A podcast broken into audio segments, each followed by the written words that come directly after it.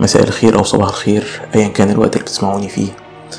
أنا شريف ثابت وأهلا بيكم معايا في حلقة جديدة من أفلام فترة النقاهة على بودكاست Banana Island. معلش النهاردة الصوت ممكن يكون مغير ومخنف شوية عشان يعني واخد دور برد. فنستحمل بعض شوية كده يعني. في نهاية الحلقة اللي فاتت اتفقنا إننا هنتكلم عن فيلم Fight Club وخلوني هنا أقتبس جملة مشهورة من الفيلم ده. Rule number one مش معنى إن أنا قلت إننا هنتكلم عن Fight Club يبقى فعلا هتكلم عن Fight Club عادي ممكن أغير رأيي أجل أحذف لأي سبب. فأنا المرة دي فضلت أجل الكلام عن Fight Club لسببين. السبب الأول علشان كتابة السكريبت تاخد حقها والسبب التاني علشان وصلتني رسايل الجملة دي كان نفسي أقولها من زمان بتطلب حلقة مراجعة فيلم جوكر. فهنأجل الكلام عن Fight Club مؤقتا ونخش على جوكر على طول. مع عرض الفيلم ده اللي لعب بطولته واكين فينيكس وكتبه وأخرجه تود فيليبس اتحول لترند واستقطاعات كبيرة من الجمهور في العالم كله. وكالعادة الناس انقسموا فريقين بيتخانقوا ويقطعوا في فروة بعض عشان مسألتين. المسألة الأولى هي أنهي أحسن أداء هيث ليدجر لدور الجوكر في فيلم The Dark Knight ولا أداء واكين فينيكس في الفيلم الجديد؟ أما المسألة التانية طبعا فهي مسألة أهلي وزمالك الكوميكس أو خناقة مارفل ودي سي اللي بتولع مع عرض كل فيلم جديد لمارفل أو دي سي وعشان نفكك كل الكلاكيع دي فخلونا نبدأ كلامنا عن الجوكر الجديد بإننا ندور في إجابة السؤال الأول. مين أحسن جوكر ليدجر ولا جوكر فينيكس؟ إيه الفرق بينهم؟ وقبل ما نتكلم عن الفرق بينهم خلونا نأكد على وجود عامل مشترك مهم ما بينهم. أو بمعنى أشمل ما بين تجربة كريستوفر نولان في ثلاثية The Dark Knight وبين تجربة تود فيليبس في الفيلم الجديد جوكر. العامل المشترك ده هو إن الاتنين نولان وفيليبس قرروا ينقلوا جوثام سيتي وشخصياتها من أجواء الفانتازيا القوطية اللي موجودة في القصص المصورة لأجواء واقعية صرفة. نقلوا الشخصيات والهواجس والقضايا وطبعا تفاصيل الميزانسين من مكياج وتصميمات الملابس والديكورات والإضاءة. هنلاقي العناصر دي كلها عند نولان وفيليبس اكتسبت صبغة واقعية بعيدة تماما عن الخزعبلات اللي تعودنا نشوفها في أفلام تيم بيرتون وأفلام جويل شوماخر وعالم دي سي الممتد. جوثام سيتي زي ما كتير عارفين هي مدينة مختلقة من خيال بوب كين مبتكر شخصية باتمان. مدينة هي معادلة لنيويورك سيتي وبتجسد عوالم الفيلم noir. أو الفيلم الأسود ونسخته الجديدة المعروفة ب neo noir بمعنى إنها مدينة عايمة على بحر من الفساد والجريمة والانحراف والانحلال ضرب مكوناتها. وعشان كده أصبحت في حاجة ملحة لتدخل عنصر من خارج المؤسسات الرسمية المنحرفة لإنقاذ المدينة من الفساد والانحراف. والعنصر الدخيل ده طبعا هو باتمان الرجل الوطواط الفرق الأهم بين جوكر نولان في فيلم فارس الظلام وجوكر تود فيليبس في الفيلم الجديد مش بعيد عن طبيعة أزمة جوثام مع الفساد والانحراف. والفرق ده في تقديري الشخصي هو فرق بين مدرستين متناقضتين في النظر للشخصية الإجرامية باعتبارها مفتاح لأزمة جوثام كريستوفر نولان معروف بميوله اليمينية وبنلاقيها موجودة دايما في أفلامه. في ثلاثية فارس الظلام بنلاقيه قدم الشخصيات الشريرة من وجهة نظر المدرسة الكلاسيكية اللي بتعتبر المجرم مسؤول بالكامل عن جرايمه وشروره مصدرها الأساسي هو طبيعته الشخصية هو كده شرير لوحده.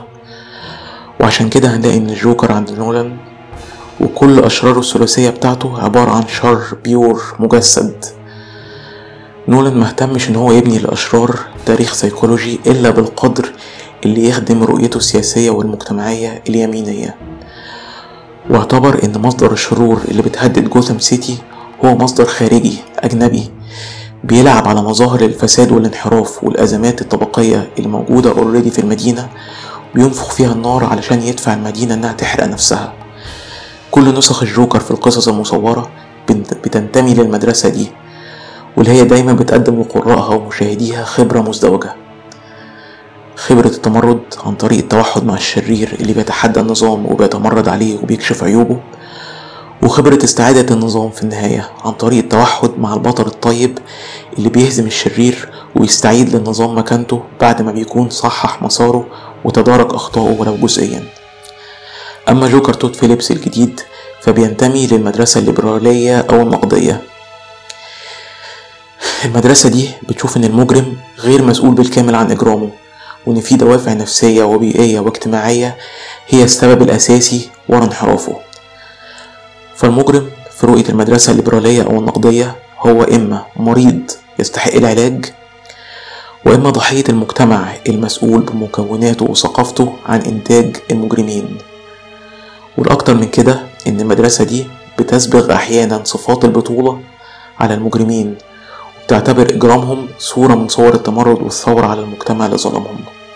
لو حاولنا نرجع لورا ونشوف الجذور التاريخية للمدرسة دي هنلاقيها بترجع للتلاتينات مع ظهور مدرسة شيكاغو اللي فسرت انتشار الجريمة بعوامل اجتماعية زي الهجرة واتساع الضواحي. وهنلاقي فيلم أوروبي مثلا زي فيلم M للمخرج فريتز لانج إنتاج 1931 الفيلم ده بيحكي قصة مجرم قاتل للأطفال وبتحركه دوافع نفسية ومرضية.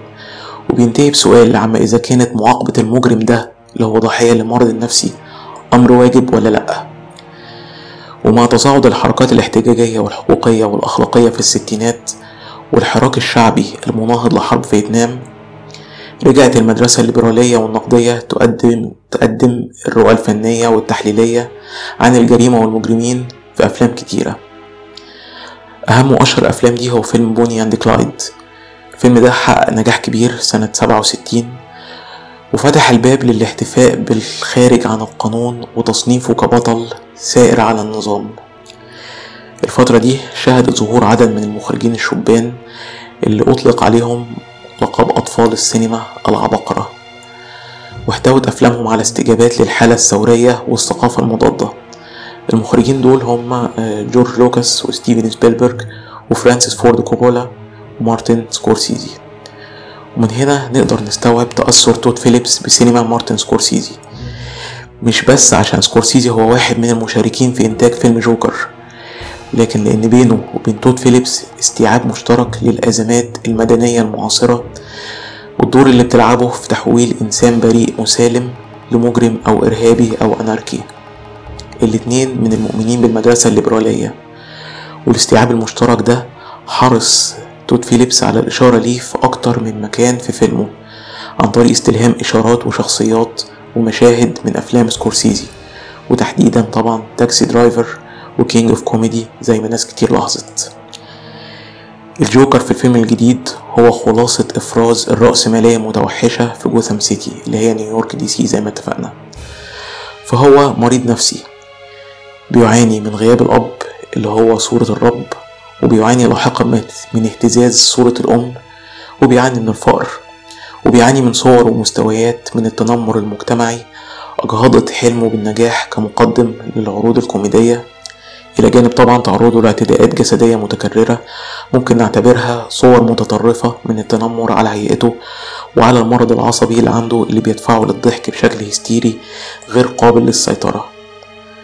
الجوكر أو أرثر فليك زيه زي ترافيس بيكل بطل Taxi Driver وزي تايلر ديردن بطل Fight Club وغيرهم من الأبطال المضطربين نفسيا بسبب ضغوط المجتمع والنظام. بيكتشف إن الحل لمواجهة فساد المجتمع وانحراف السلطة هو ممارسة العنف الفردي. والفرق بينه وبينهم إنه ما بيعملش ده بهدف الإصلاح أو التقويم زي بيكل أو بهدف تقويض أركان النظام زي تايلر ديردن إنما هو بيرتكب العنف والقتل علشان يحمي نفسه من الألم عن طريق الانتقام من اللي تسببوله في الألم ده. وفي الأثناء دي بيتحول عند الناس لرمز وشرارة لاحتجاجات الشعب الغاضب على تردي الأحوال المعيشية. الاحتجاجات الشعبية دي اللي تصاعدت وتحولت في النهاية لثورة فوضوية حرقت جوثام سيتي في sequence بيفكرني بأجواء سلسلة The Purge بتجسد النتيجة اللي بتنحاز ليها المدرسة النقدية اللي بتعتبر إن الأزمة بتنفجر من الداخل مش بفعل قوة خارجية على عكس قناعة نولان في ثلاثيته. لو بصينا لفيلم جوكر بعيد عن جوثام سيتي وعوالم دي سي فهنلاقي إنه فيلم جريمة سايكو درامي متقن الصنع. مخرجه استلهم أجواء سينما التمانينات علشان يقدم رؤية بتنتمي للمدرسة النقدية الليبرالية زي أستاذه سكورسيزي. ورغم كده الفيلم عانى من نفس العيب اللي بتعاني منه أفلام الصوابية السياسية الجديدة وهو الإلحاح. في مجهود وفي إتقان وفي صنعة متميزة. لكن كل ده ما منعش الإلحاح الأوفر جدا على التعاطف مع أزمة البطل عن طريق ضخ جرعة زاعقة جدا من الميلودراما. وما كانش ناقص بقى غير إن تود فيليبس يضيف لشريط الصوت أغنية حسن الأسمر بتاعت كتاب حياتي يا عين. العيب ده كان هيبقى أوضح لولا قرار دمج القصة ضمن عالم باتمان وجوثام سيتي. الدمج ده استغله تود فيليبس في توظيف موتيفات وشخصيات دي سي وفي مقدمتها شخصية توماس وين والد بروس وين أو باتمان علشان يقدم أخطر رؤية ثورية في تاريخ أفلام باتمان والأفلام المقتبسة عن عوالم دي سي بشكل عام. توماس وين في القصص المصورة والأفلام المقتبسة عنها عبارة عن ملياردير كريم وطيب. وفي ثلاثية The Dark Knight قدمه نولان باعتباره رأسمالية وطنية بتلعب دور مهم في خدمة جوثم وشعب جوثم. علشان كده كان توماس وين في الثلاثية هو حائط الصد اللي أفشل الموجة الأولى من المؤامرة الاقتصادية اللي دبرتها League of Shadows زي ما قال زعيمها راس الغول في فيلم Batman Begins أما هنا في الجوكر فقدمه تود فيليبس على النقيض باعتباره نموذج للرأسمالية في أبشع صورها والقاطرة اللي بتسحب جوثم للهاوية من غير الحاجة لتدخل قوة أجنبية وخارجية. والأخطر من ده هو قرار إن أرثر فليك يبقى ابن توماس وين يعني جوكر وباتمان بقوا أخوات من نفس الأب. القرار ده مش بس خلى الجوكر وباتمان فعليا وجهين لعملة واحدة زي ما الجوكر قالها لباتمان في فيلم The Dark Knight لا ده كمان خلى الجوكر الجديد وباعتباره ضحية لتوماس وين الأب هو الأقرب لتعاطف المشاهدين من بروس الطفل المدلل. وفي نهاية الفيلم بنشوف الحادثة الكلاسيكية المعروفة لمقتل توماس وين ومراته قدام عينين ابنهم واللي أصبحت بعد كده مفتاح تحول بروس وين لباتمان. مين اللي قتل الأب والأم هنا؟ قصص وأفلام باتمان طول عمرها بتقدم لنا القاتل باعتباره لص قتلهم أثناء عملية سطو عادية لكن القاتل هنا في فيلم جوكر مش مجرد لص لأ. ده واحد من الفقراء الغاضبين اللي نزلوا الشوارع للثورة على النظام اللي بيهيمن عليه توماس وين. بدليل إن القاتل خاطب توماس وين باسمه قبل ما يقتله هو ومراته. ومن المنظور ده فتحول بروس وين لباتمان هيكون لردع المجرمين أمثال قاتل أبوه وأمه بمعنى إن انحيازه هيكون للنظام الرأسمالي الجشع اللي دمر حياة جوثام وشعبها ومنهم أرثر فليك أو الجوكر. ودي على حد علمي أول مرة في السينما على الأقل بيتم تبادل الأدوار بين باتمان والجوكر. بيبقى باتمان الشرير هو الصورة ال negative من الجوكر الضحية المقهور. الرؤية الثورية الصادمة دي هي تطبيق لفلسفة المدرسة الليبرالية اللي بتحول المجرمين لأبطال وبتعتبر إجرامهم صورة من صور الثورة على ظلم المجتمع. ومع البناء المحكم للشخصية الرئيسية واللي اعتنى بأدق تفاصيلها لدرجة إن حتى ضحكة الجوكر الشريرة مبررة هنا كجزء من المرض العصبي اللي بيعاني منه. ومع الأداء التمثيلي البديع لواكين فينيكس كل دي كانت مزايا. اجتمعت لخلق حالة إبداعية رفيعة المستوى غطت على مشكلات الفيلم التانية اللي كانت هتبان بشكل أوضح لو الفيلم كان خارج عالم باتمان. هل كل ده يخلينا نقول إن أداء واكين فينيكس في دور الجوكر تفوق على أداء هيث ليدجر لنفس الشخصية؟